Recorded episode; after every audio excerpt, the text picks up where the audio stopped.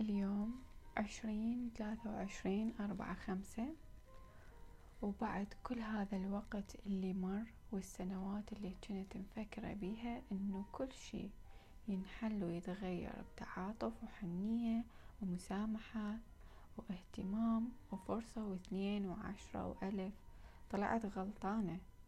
وطلع التهاون ويا الشخص المقابل ما راح يخليه يكون أفضل بالعكس راح يصير أسوأ وراح تكون متهاون أو متنازل بروحك وبإحساسك.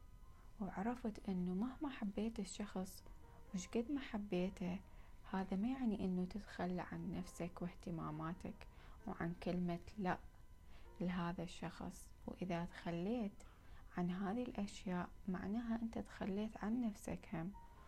وحتى العطاء والاهتمام والمسامحة للأشخاص اللي نحبهم لازم يكون بحدود معقولة.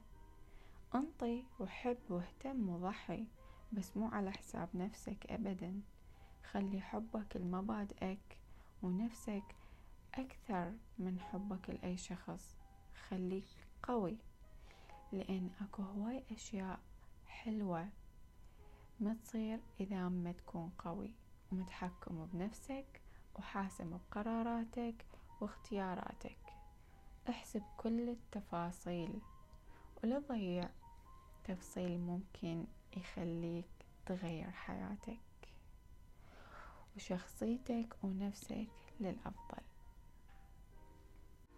وأكيد ودائما نقول take it easy ولا تصعبها على نفسك ولا تعطي أكثر من ما تأخذ أبدا أبدا.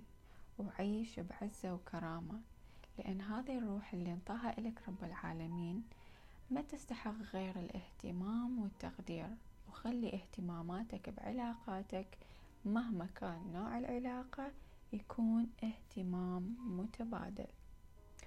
وشكرا ومع السلامة.